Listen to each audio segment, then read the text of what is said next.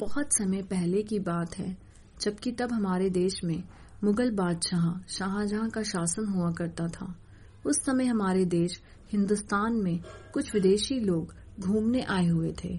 हमारे देश उस समय कुछ ज़्यादा ही खूबसूरत था, और वो लोग हमारे देश की हर खूबसूरत चीज़ से रूबरू होना चाहते थे। इसलिए वे लोग हमारे देश के शासक बादशाह शाहजहां से आकर मुख्तलिब हुए। उन विदेशी लोगों को बुलाया भी बादशाह शाहजहां ने ही था, ताकि उन लोगों को अपने देश की खूबसूरती दिखा सकें और अच्छे से उनकी सेवा कर सकें। वो दरअसल हुआ यूँ कि एक बार बादशाह शाहजहां जंगल में शिकार की तलाश में घूम रहे थे। काफ़ी देर तक शिकार तलाशने के बाद बादशाह को बहुत ज़ोर की प्यास लगी और वो शिकार की तलाश छोड़कर पानी की तलाश में लग गए। काफ़ी देर से पानी की खोज में घूमते बादशाह शाहजहां की एक तालाब पर नज़र पड़ी। बहुत देर से भाग दौड़ और चलने के कारण बादशाह शाहजहां बड़ी ही शीघ्रता से उस तालाब के पास पहुँचे और पार पर बैठकर उस तालाब के शीतल जल से अपनी प्यास को धीरे धीरे कम करने लगे।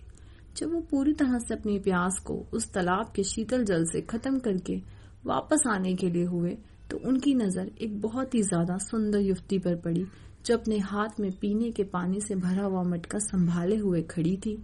बादशाह शाहजहां की नज़र काफ़ी देर के लिए उस सुंदर बला की आँखों में ही गड़ी रही और वो सुंदरी भी बादशाह को देखे जा रही थी।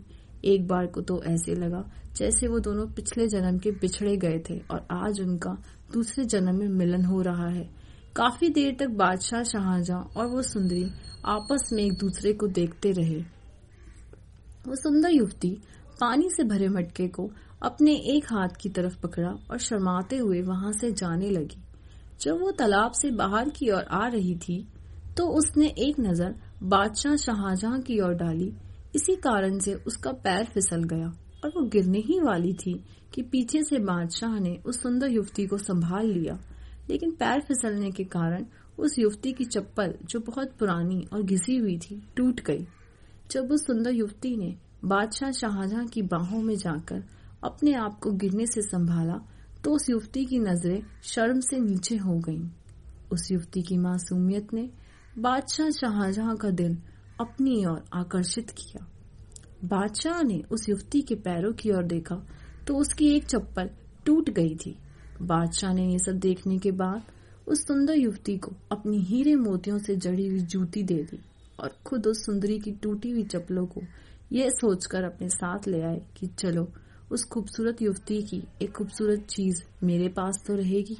यह सच है कि जब किसी को किसी इंसान से प्यार हो जाता है ना तो उसे उस इंसान की बुरी से बुरी चीज़ भी खूबसूरत लगने लगती है। जैसे बादशाह शाहजहां को सुंदर युवती की पुरानी, घिसी और टूटी हुई चप्पल भी खूबसूरत लग रही थी। अब बादशाह शाहजहां जब भी उन टूटी हुई चप्पलों को देखते तो उसे वही सुंदर युवती याद आने लगती और बादशाह घंटों उसी सुंदर युवती की सुंदरता के बारे में सोचते रहते। दिन व दिन और भी ज़्यादा बादशाह शाहजहां उस खूबसूरत युवती के बारे में सोचते रहते थे। इसी कारण से बादशाह बहुत परेशान रहने लगे।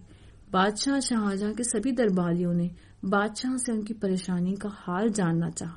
लेकिन बादशाह ने किसी को भी कुछ नहीं बताया। वो स्वयं ही अपनी समस्या के निवारण के लिए उस समय के अल्लाह ताला के बहुत ही बड़े सेवक एक मौलवी से मिले। उनसे मिलकर बादशाह ने उन्हें अपनी समस्या के बारे में बताया और उस समस्या का हल पूछने की इच्छा ज़ाहिर की। तो उन मौलवी जी ने बादशाह शाहजहां को बताया कि, अगर आप सचमुच उस सुंदर युवती को पाना चाहते हो तो आपको कुछ विदेशी लोगों को अपने देश में बुलाकर उनकी तहे दिल से सेवा करनी होगी।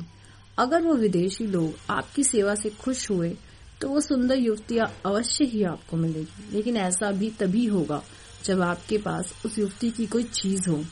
बादशाह ने तुरंत उन मौलवी जी को उस युवती की टूटी चप्पल दिखा दी और कहा, यह उसी की चप्पल है। मैंने इन्हें बहुत सेज संभाल कर रखा हुआ है।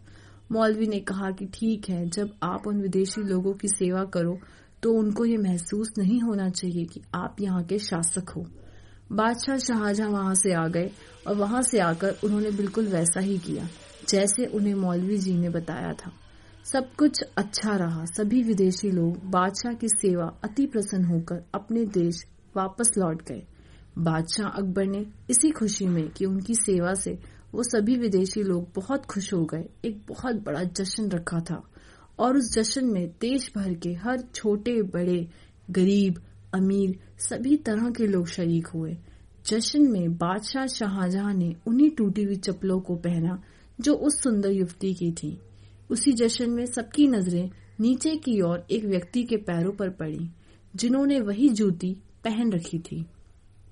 जो कुछ समय पहले बादशाह शाहजहां के पैरों में हुआ करती थी, और वो जिसने उन जूतियों को पहना हुआ था, वो कोई और नहीं, बल्कि वही सुंदर युवती थी, जिसके लिए वो जश्न रखा हुआ था।